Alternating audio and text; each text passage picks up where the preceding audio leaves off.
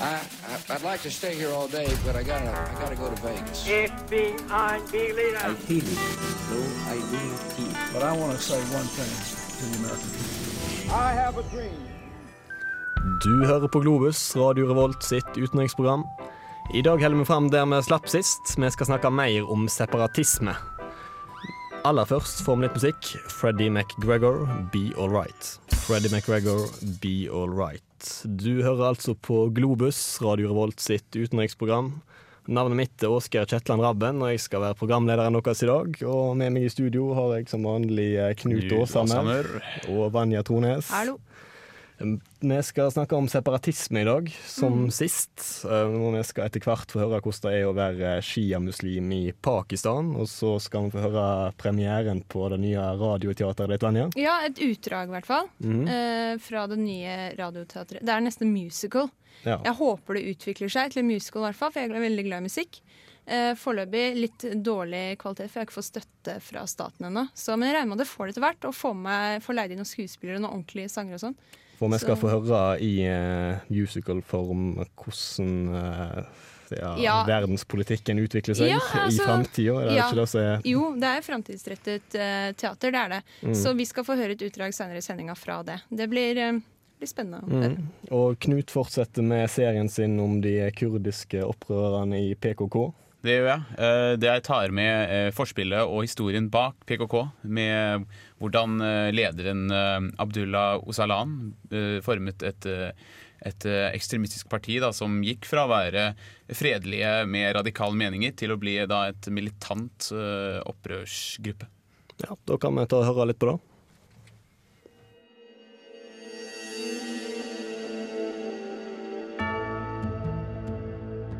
Dette er den andre episoden av en serie som handler om kurderne og PKK i Tyrkia. I forrige episode gikk jeg kort gjennom PKK og kurdernes situasjon i dag i Tyrkia. Men hvorfor er situasjonen slik? I denne andre episoden skal jeg se nærmere på PKKs opprinnelse i Tyrkia. PKKs opprinnelse starter i 1974 av en liten gruppe radikale venstreorienterte studenter ledet av Abdullah Osalan. Før PKK var han en del av Tyrkias venstreorienterte revolusjonære ungdomsforening, Dev Genk, som trakk ledere, medlemmer og militante fra de uten rettigheter i landet. Dette var også selvfølgelig tilfellet med kurderne. Oshalan ble en del av gruppen i 1971, da han studerte politikk på Ankaras politikkvitenskapelige universitet. Sammen med gruppen forsøkte han i undergrunnsvirksomhet å avkaste det tyrkiske parlamentssystemet. Gjennom hans voksende nettverk som student og medlem av Dengenk bestemte han seg i 1974 for å danne sin egen kurdisk-baserte venstreradikale forening. Det første navnet på denne foreningen, som senere skulle bli PKK, var Apokus.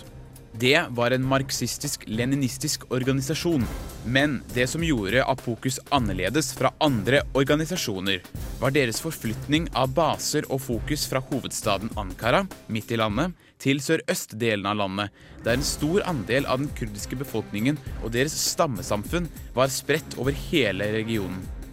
Dette ga mulighet for å spre deres politiske budskap over store områder, spesielt fordi disse områdene hadde lite til overs for de tyrkiske styresmaktene. Apokus hadde svært sterke og bestemte politiske meninger, og fulgte ikke andre kurdiske partier i å organisere ledelsen og hierarkiet etter stammeledere og stammekultur, som var den mest vanlige metoden på landsbygda. I perioden 1974 til 1978 var Apokus svært aktiv i å formidle sine kommunistiske overbevisninger til den sørøstlige delen av Tyrkia, samtidig som de sendte representanter til studentersamfunnene i hele Tyrkia, spesielt i den politiske hovedstaden Ankara. I tillegg var Tyrkia i en sterk industriell vekst og en viktig spiller i den kalde krigen. Sammen med Apokus spredte og desentraliserte, fleksible og svært uavhengige organisering ga dem mulighet til å utnytte denne stadig større forskjellen mellom Sørøst-Tyrkia og resten av landet når det gjaldt både goder, utvikling, utdanning og rettigheter til kurderne.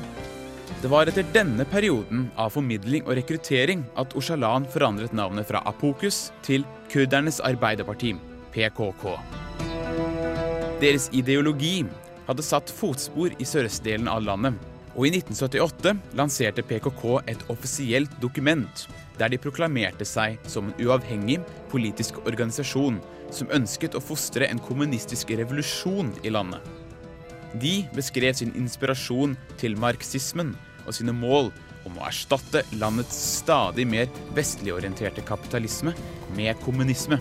Med andre ord rettigheter til alle innbyggerne i landet, dem selv inkludert. Måten dette skulle bli gjort på, var gjennom en folkelig revolusjon. Da hovedsakelig arbeiderklassen mot landets statsledere og øvrige. Men hva fikk PKK til å gå fra en politisk organisasjon med radikale meninger til en som utførte vold og angrep for å bli hørt? Da organisasjonen fortsatt kalte seg Apokus, skjedde det noe som ville forandre gruppen til å bli en strengere, mer voldelig og dypere overbevist gruppe enn noensinne. Den 18. mai 1977 dro hybelkameraten til Oshalan, Haki Karrier, til Gaziantep for å rekruttere nye medlemmer til organisasjonen. Han ble fort involvert i politiske diskusjoner med en annen kurdisk politisk og kommunistisk fraksjon, kalt Sterka Sår, eller Røde Stjerne. Han ble drept i byen, tilsynelatende av en eller annen kurdisk organisasjon som ikke støttet Apokus. Etter denne hendelsen ble Oshalan og hans gruppe bare mer innbitt i sin kamp. Det var her deres voldelige og til slutt militære kapittel begynte. De var nå overbevist om at den kommunistiske revolusjonen ikke kunne starte på egen hånd, men måtte provoseres fram. Noe som vil inspirere flere til å ta del i deres kamp om et nytt Tyrkia. I neste episode kommer jeg til å fortsette med historien til PKK, fra sin fødsel som en provoserende, voldelig organisasjon med svært radikale ønsker, til å bli Tyrkias største interne konflikt, og som har overlevd tidens prøve gjennom flere utviklinger og stadig mer rasjonelle mål. Og selv med disse lovende ordene kommer jeg også til å vise hvor langt det fortsatt er igjen til en fredelig løsning.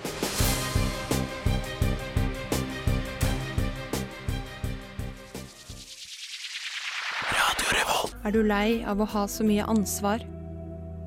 Ønsker du bare å leve livet ditt slik Gud ville det? Ønsker du å ledes inn på den rette vei av mannlige prester? Da har du kommet til det rette stedet. Vi kan tilby en politisk styreform basert på Guds ord i en streng tolkning. Vi praktiserer teokrati. La religion smelte sammen med politikken. La en gruppe mannlige prester tolke Bibelen og utforme Grunnloven deretter. Du vil ikke trenge å engasjere deg, eller bekymre deg over politikk. En politikk som foregår over hodet ditt uansett. La Guds stedfortredere på jorden ta seg av det.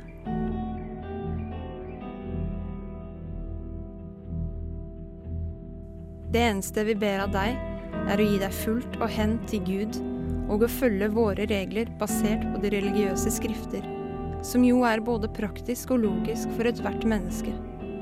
Ønsker du å være en dråpe i vannet, og flyte med strømmen og være en del av noe guddommelig? Da er teokrati veien for deg.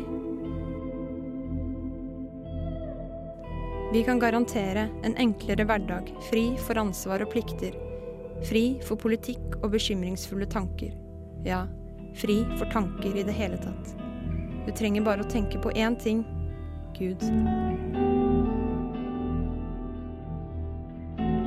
Så ordnes resten for deg av Guds disipler på jorden. Ring oss i dag. Ingen angrerett. Husk, bare Gud kan garantere. Ja, teokrati er muligens veien å gå, Vanja. Ja, det er et forslag. Eh, Jeg satte meg ned og så tenkte jeg når vi eh, skaper et nytt land, hvor skal vi begynne? Eh, Så begynte jeg ytterst, på en fløy. Ja, Så tenkte jeg hvorfor ikke teokrati? Kan uh, se for oss hvordan Norge hadde blitt hvis vi hadde innført et teokrati. Det måtte jo da være av streng lutheransk modell. Ja, det hadde kanskje ikke gagna meg som kvinne så veldig bra, men uh, Knut? Nei, altså, Vi har jo kanskje en ganske god kandidat. Uh, Vi kunne hatt runner-up-navn på Teheran-krati. Ja, OK. Iran er vel det nærmeste vi kommer et teokrati i dag. Ja. eh, Der eh, de som sitter med den reelle makta, styrer etter sin egen oppfatning, Mm. eh, etter Guds vilje. Mm. Styreformer, eller eh, samfunnet der, er jo eh, til de grader prega av det når du ser eh, kvinnerettigheter, som du nevner, Ja. for eksempel. Og det som, det som eh, hvis jeg kan ta det litt i forsvar, det som er så bra med teokrati, er at du kan jo ikke sette spørsmål ved noen ting, for sånn er det bare. Det, er, altså det Ja. sparer oss for masse problemer. hva skal du med diskusjoner da? Ja, ikke sant? Svaret står i ei bok. Ja, du eh, har alt du sånn er trenger, og sånn skal det være. Altså, hvis man ikke liker eh, debatter, da, så er det jo kjempefint. Ja, Problemet kommer bare hvis det finnes ulike tolkninger av skrifter, f.eks. Ja. Men eh, et ekte godt teokrati vil vel kanskje ha én mektig leder på toppen som eh, Ja. vet hvordan ting egentlig skal tolkes. Det er jo I, Altså, i Iran, for eksempel, så sitter ja, i for Han som ikke kan defineres, mener du vil være den eneste lederen. eh, Nå hørte jeg ikke helt hva du sa. Gud. Ja, nettopp. Han er jo den overlegne leder, og da har man ingen Du kan jo ikke sette spørsmålstegn ved, ved hans uh, vilje. Nei, eh, Du kan jo ikke gjøre det. Guds vilje. Og hvis du har et pressestyre på toppen der som eh, har bestemt seg for at den skal tolkes på den måten, så kan du ikke sette spørsmålstegn med det heller. For det er de Eh, som nei, så- som har makta si fra Gud. Da. Ja da, Det er bare opp til prestestyret å greie å formidle ideene sine som uh, Guds genuine interesse. Ja, ja. Men, uh, ja, ja. Uh, men uh, teokrati, eller iallfall de som kjemper for teokrati, der skal vi komme tilbake igjen til litt Ja. seinere. Aller først så skal vi få en ny låt her. Det er Cat Power Silent Machine. Cat Power Silence Machine der, altså. Eh, og du hører fortsatt på Globus på Radio Revolt. Vi skal nå eh, få høre premieren på, eh, på Vanja sitt nye radioteater. Ja. Hva er det første episode dreier seg om? Eh, episode episode, det er et utdrag fra en scene eh, i, denne, i dette radioteatret. Jeg eh, kjemper for at det skal bli, forbli en eh, musical. Mm. Eh, men jeg er avhengig av støtte fra staten, og det har jeg ikke fått ennå. Så jeg har ikke fått leid inn noen skuespillere. Eller, tar- jeg har ikke fått tatt noen sangtimer til mitt forsvar. Eh, jeg kan si at det har falt en kommentar eh, om at eh, min sang eh, lå noen toner høyere eller lavere enn musikken. Og det, det vil jeg bare si at det er helt urettferdig, for jeg eh, har som sagt ikke fått noe midler til å utvikle det her. Så kategoriserer du det her som en teaser til en fremtidig uh, musikal, da? Ja, det er fall starten på noe veldig veldig bra. Ja. Uh, det er også en, det er et radioteater-musikal som tar for seg verdenssamfunnet. Uh, det er et fremtidsrettet drama, rett og slett. Det vil bli samtaler mellom stater, mellom land. Eh, det vil bli dramatiserte konflikter i form av eh, sang og musikk. Vi har mye å se fram til utover året her, altså. Ja. Så det begynner som eh, amatørteater og eh, går snart Mhm. over til profesjonell musikal når du får eh, støtte av staten. Det frem til. Vi får høre litt på første episode, da. Hongkong og Kina. Jeg har fått nok. Dette går ikke lenger.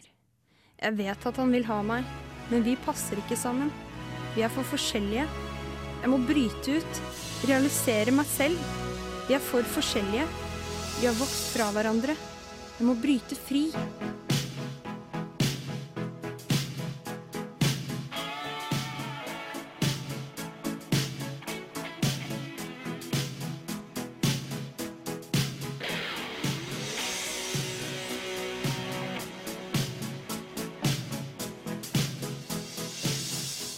Jeg vil bryte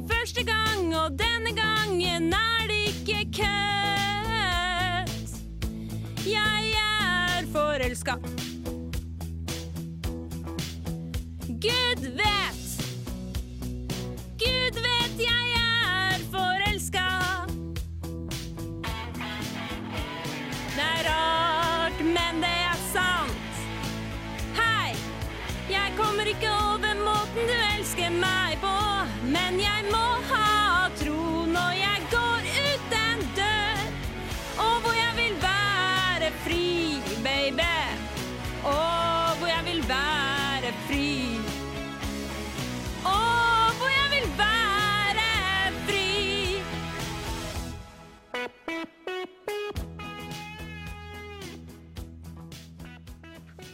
Hongkong vil eh, bryte fri fra Kina, altså. Vanja, var ikke det som skjedde her? Ja, det stemmer. Den scenen heter Hongkongs klagesang. Ja. Eh, Det er Hongkong som synger eh, ut sin smerte. Men mener du da at de vil tilbake til Storbritannia? Eh, Det er en forelskelse inne i bildet, ja. Det stemmer det. Men den er kanskje, det er opp til lytteren å tolke det, for det er fremtidsrettet. Poenget her er at de vil skilles fra Kina, Ja, det er det som er poeng. Nettopp. Helt klart. Ja, men jeg kan iallfall se fram til neste eh, og kommende episode av denne musikalen. Ja. Når kommer dere i gang med det profesjonelle apparatet rundt eh, opplegget? Eh, nei, jeg må rekruttere flere folk, for jeg må ha noen som kan synge, for det første. Jeg må ha litt flere stemmer, så jeg kan dramatisere en samtale også. Men jeg satser på at det blir bare bedre og bedre for hver gang. Det blir eh, den kommende verdenshistorien, eh, Ja. Mm. politisk sett. De blir første, en av de første historie, moderne, moderne historiebøkene i lydformat, sånn lydbok. Ja, den, det er jo ikke en historiebok, for det er jo en fremtidsfabel. Ja, men i fremtida. Å ja, sånn sett, ja. ja. muligens Man ser, det på, man ser det på i hindsight. Mm. Ja, vi får se hvor bra det blir til slutt. Mm. Resten av sendingen vår skal nok eh, heller dreie seg om nåtida, for Ja. eh, vi må uh, tilbake igjen til temaet vårt separatisme her. Eh, Hazaraene i Pakistan har ei interessant historie, Ja. og eh, de har det ikke så lett i dag.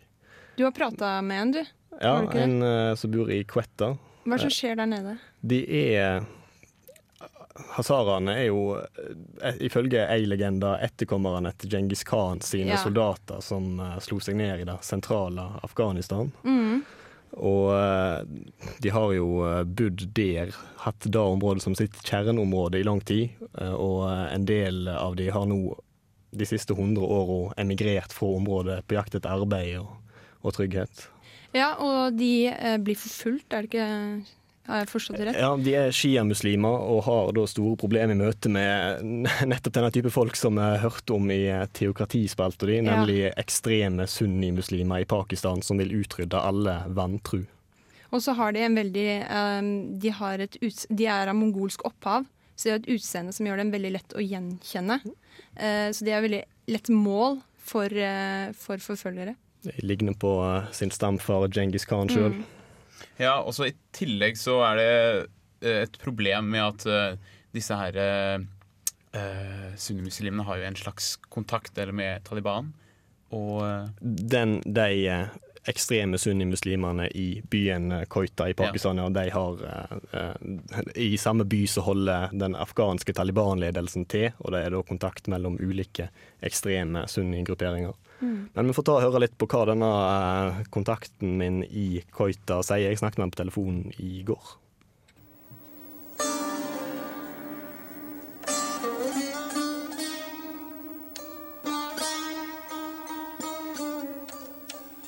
Hazaraene er et persisktalende folkeslag av mongolsk opphav som har kjerneområdet sitt i det sentrale Afghanistan. De fleste hazara er sjiamuslimer, noe som var med på å gjøre dem til et mål for de sunnimuslimske ekstremistene i Taliban da de kontrollerte Afghanistan mellom 1996 og 2001. De siste hundre åra har mange hazara forlatt Afghanistan på jakt etter arbeid og trygghet, og mange av de har slått seg ned i byen Koita i det nordvestlige Pakistan. Der har de etablert seg som ei av flere etnoreligiøse grupper som lever i ulike deler av det som en gang var en fredelig by. De siste 13 åra har nemlig situasjonen endra seg radikalt, og det er i dag veldig vanskelig å være hazara og sjiamuslim i Koita. Abdul Khalik, en hazara som flykta fra Afghanistan til Pakistan som unge, og som i dag praktiserer som lege i Koita. Han kan fortelle om hvordan samfunnet i Koita har endra seg de siste åra. Quetta var veldig peaceful. We had no uh, religious problem, extremism here. We had no uh, other issues, no uh, terrorism here. A few days back, uh, and the problem here, the extremism, the, uh, especially the religious extremism in Quetta, it has been started uh, about uh, 13 years back in 1999. Since 1999, we have we have been targeted by the extremist religious groups, and and uh, up till now, about 1,000 Shia Muslims have been killed here in Quetta. Most of them belong to Hazara community. When we talk about Hazara community, um, the Hazaras are very distinct from the other uh, ethnic groups living here. We have a Mon- Mongolian feature, you know, Mongolian uh, facial feature, Mm. and uh, we belong to the uh, the Shiite sect, and uh, we speak Persian language. So these three uh, these three uh, things make us very uh, distinguishable from other ethnic groups living in Quetta, and that's why we are a very easy target for the relig- uh, religious extremist groups. And what caused this shift back in 99?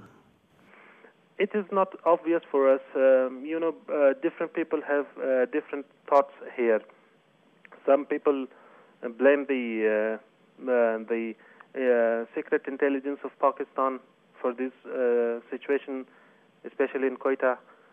Some uh, people blame the. Um, uh, some people think that um, the extremist religious group, uh, mainly the Lashkar-e-Jangvi, who have uh, who has always claimed all the killings done here in uh, in Quetta city. So different people here have different views. Uh, so it is not very clear for us that who is uh, involved in these killings. And seen from the uh, Pakistani intelligence services point of view, uh, why should the Hazara civil population be a strategic target?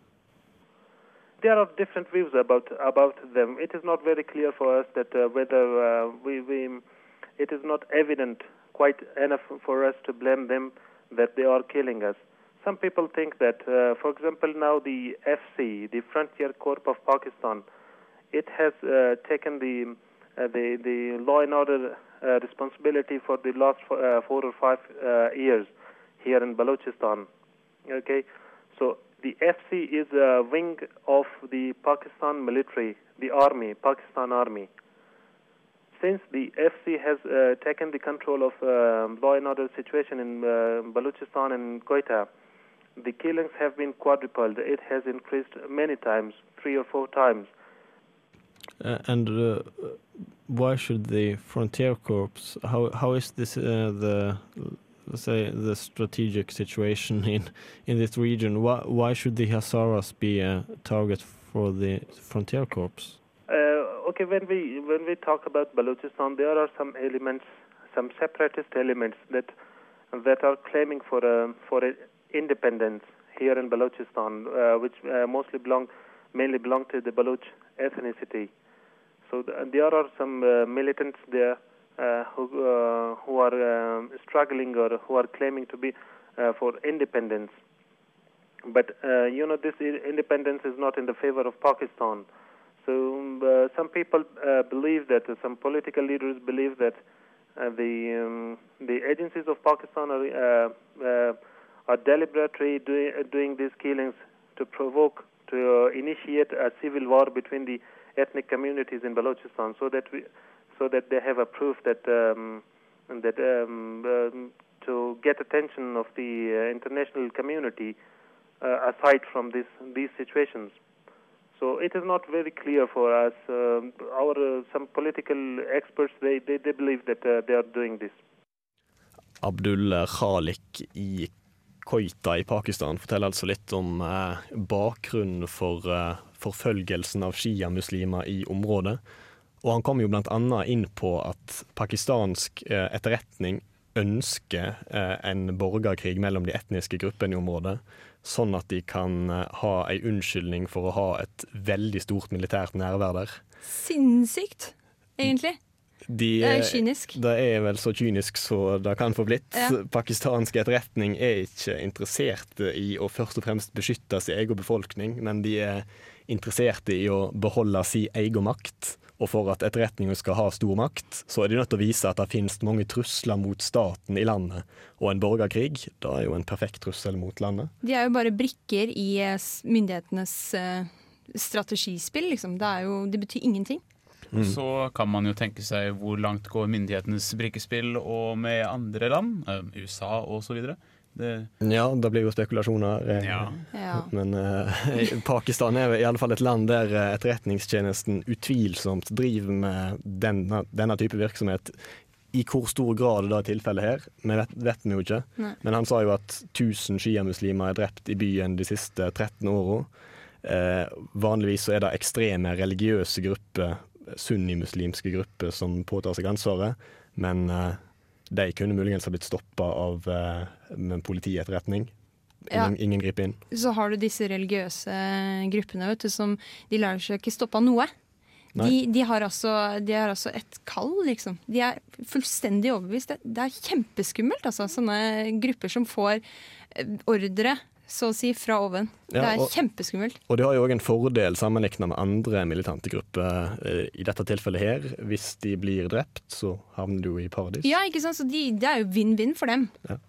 I tillegg så var det jo eh, litt skremmende å høre at han er, en, at han er lege. Og så vidt som jeg forstår, så har han ikke fått mulighet til å praktisere sin, eh, ut, eller sin jobb. Ja, han må praktisere i private Ja. hjemme i den bydelen han bor, fordi det er for farlig å bevege seg ut av bydelen. Da er han redd for å bli drept. Det er jo sinnssyk situasjon. Ja, og da gjelder jo alle fra eh, hazara-folket som bor i, i Quetta, og generelt sett eh, sjiamuslimer i Pakistan i det hele tatt. Og tilsvarende forhold var det i Afghanistan når Taliban regjerte der eh, fra 96 til 2001. Taliban er jo ekstreme sunnimuslimer. Og så, ja, og så gikk det jo over med at, med at når Taliban-regimet ble trukket ut, eller ble kastet ut, så flyttet de over til Pakistan. Og fortsettet mye av sin aktivitet der. Ja, så det, det- har jo på en måte ikke forsvunnet. Ja, men ja, De fortsetter mye av sin aktivitet uh, i Afghanistan med base i Pakistan, annet. Og, eh, og uh, det øverste rådet til afghansk Taliban, med den gamle lederen mullah Mohammed Omar, uh, sjølerklært emir av eh, den islamske staten Afghanistan, han holder til nettopp i Koita. Og han ønsker vel å knytte til seg så mange ekstreme sunnimuslimske fundamentalister som bare mulig. De er jo så utspekulerte, hele gjengen. Det er jo det er maktkåte, hele gjengen. Ja, altså det, det er vel ikke så veldig mye melting pot der. Er Nei. vel- Nei, de lever vel mest separat. Ja. Vi skal få høre litt mer om eh, hva den godeste Abdul Khalik har opplevd sjøl litt seinere. Før da skal vi høre en ny låt, 'The Heavy Big Bad Wolf'.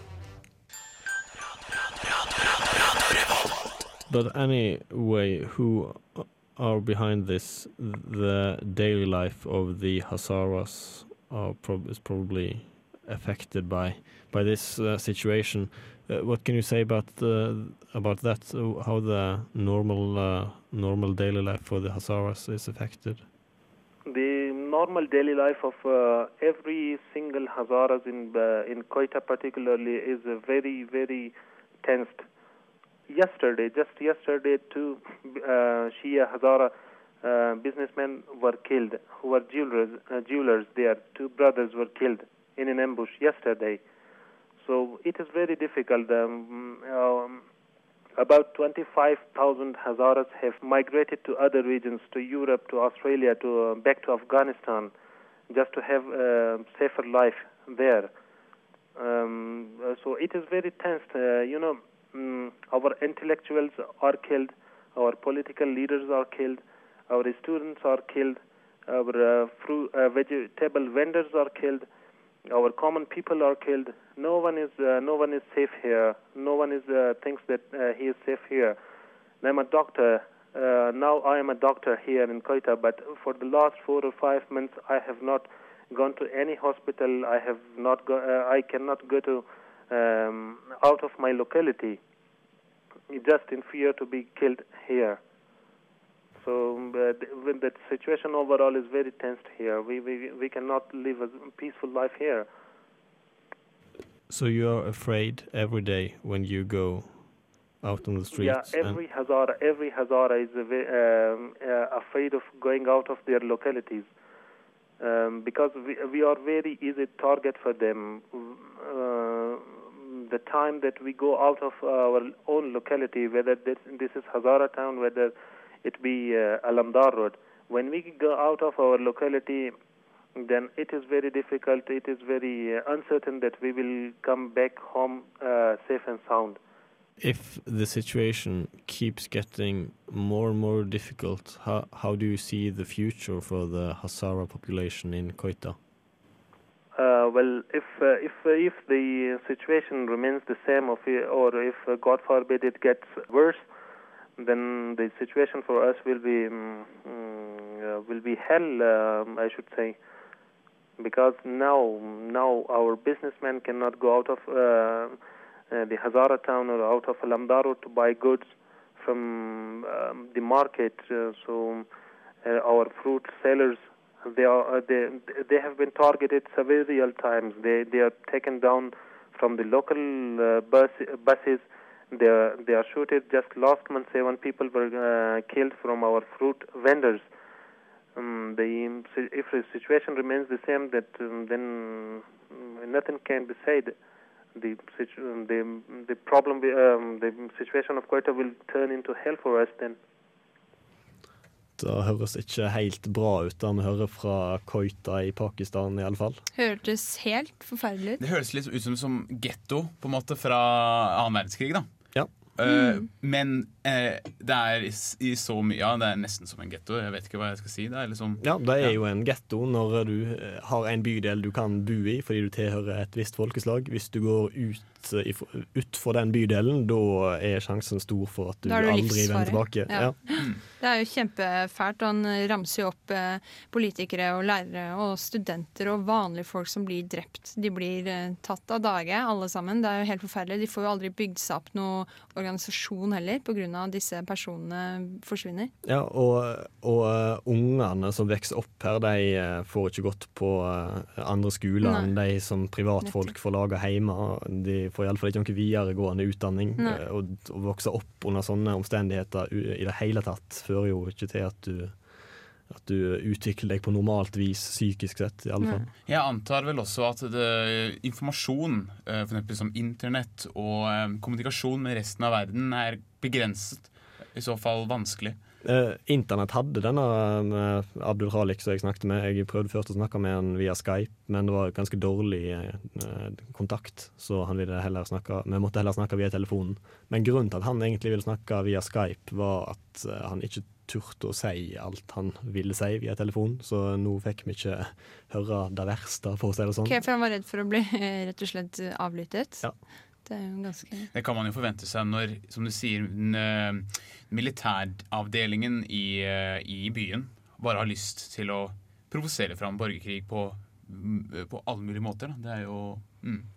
Og eh, det minner jo om situasjonen for For hazaraene sin del så minner det om den samme situasjonen som de hadde i Afghanistan, hvis de beveget seg ut fra sitt område. Da kom Taliban og, og tok de. Eh, og han sa jo òg nå at en del hazara faktisk flykter tilbake til Afghanistan fordi det er i alle fall bedre å bo der enn å bo i Koita. Men flytter de da tilbake til disse stedene hvor Taliban nå har kontroll, eller? Nei, på, nei, nei. De Nei, flytter tilbake til Hazarajat eh, sitt eh, kjerneområde i det sentrale Ja. Afghanistan. Blant annet der norske soldater nettopp har trukket seg ut fra. Ja. Mm. Det er, de norske soldatene har i stor grad oppholdt seg nettopp i området til Der det er- hazaraene.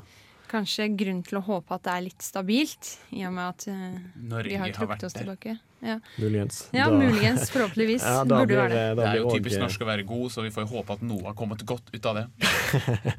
Vi får se hvordan det går. Eh, vi må komme oss videre. Høre en ny låt. eh, US Girls, Jack. US Girls med Jack der, altså. Vi har uh, vært innom mange ulike temaer i denne sendinga som har handla om separatisme. Vi begynte jo å snakke om uh, Eller vi begynte jo med å høre på andre episode av eh, PKK-fortellinga di, Knut. Ja. Abdullah Öcalan eh, hørte vi om. Mm. Og uh, jeg skal fortsette om Abdullah Øcalan, men vi kan jo snakke litt om, om Abdullah Øcalan i dag. Ja, det er jo en mann som eh, nikker gjenkjennende til i Globus-studioet. Mm. Hvor er han nå? Kan jeg spørre om det? Ja, han, eh, nå sitter han fengsla på ei øy i Marmarahavet utenfor Istanbul. Der har han sittet siden 1999. Da ble han fanga av, eh, av tyrkiske styresmakter etter å ha vært landets mest ettersøkte mann da i, i lang tid som leder for PKK.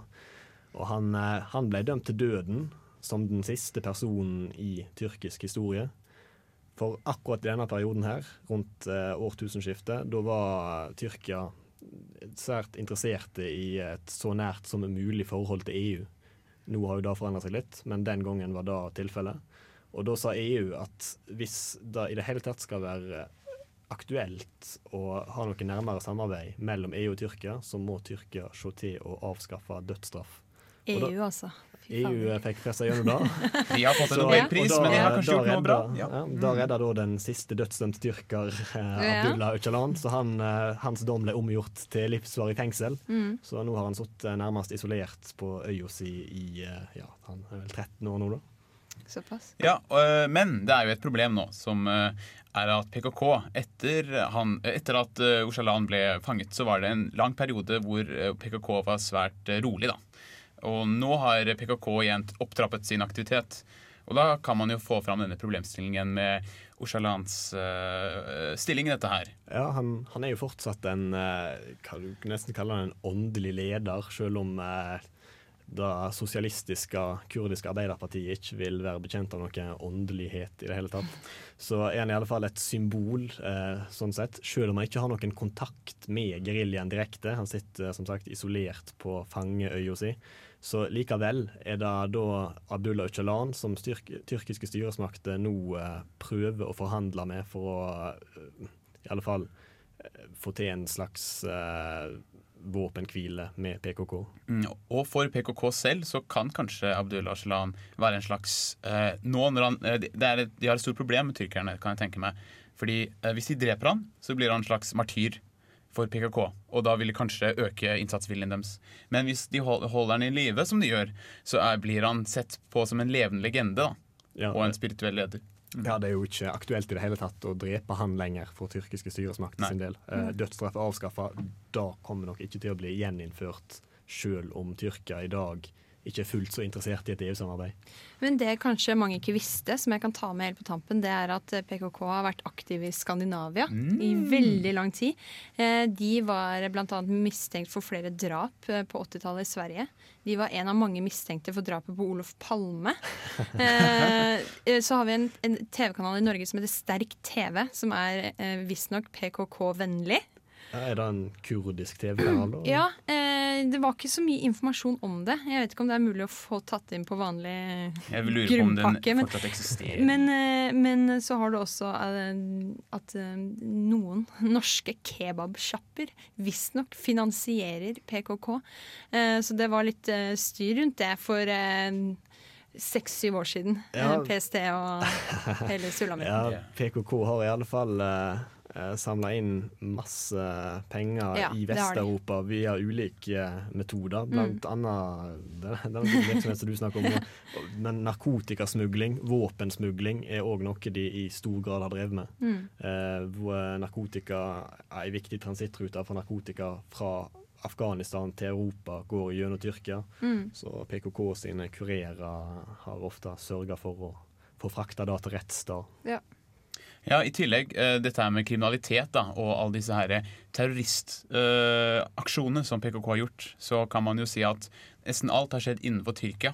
Og allikevel så ser nesten hele verden, i hvert fall EU og USA, eh, PKK som en terroristorganisasjon. Selvfølgelig gjør Tyrkia det samme, men eh, det de har gjort i Vesten, har vært eh, ikke så mye som i Tyrkia. Der hører vi avslutningssangen vår, som får la det bli eh, siste ordet for denne gang. Eh, Vi har altså snakka om separatisme. Da får vi nok komme tilbake igjen til senere Globus-sendinger. Men dagens sending er over. Programleder i dag var Åsgeir Kjetland Rabben, og jeg hadde med meg i studio Vanja Trones. Og Knut Åshammer. Og underskrevne har òg vikariert som tekniker, eh, med god hjelp fra både Rune Stana og eh, Mikkel Strømstad. Men Globus er tilbake igjen om ei uke. Takk for oss.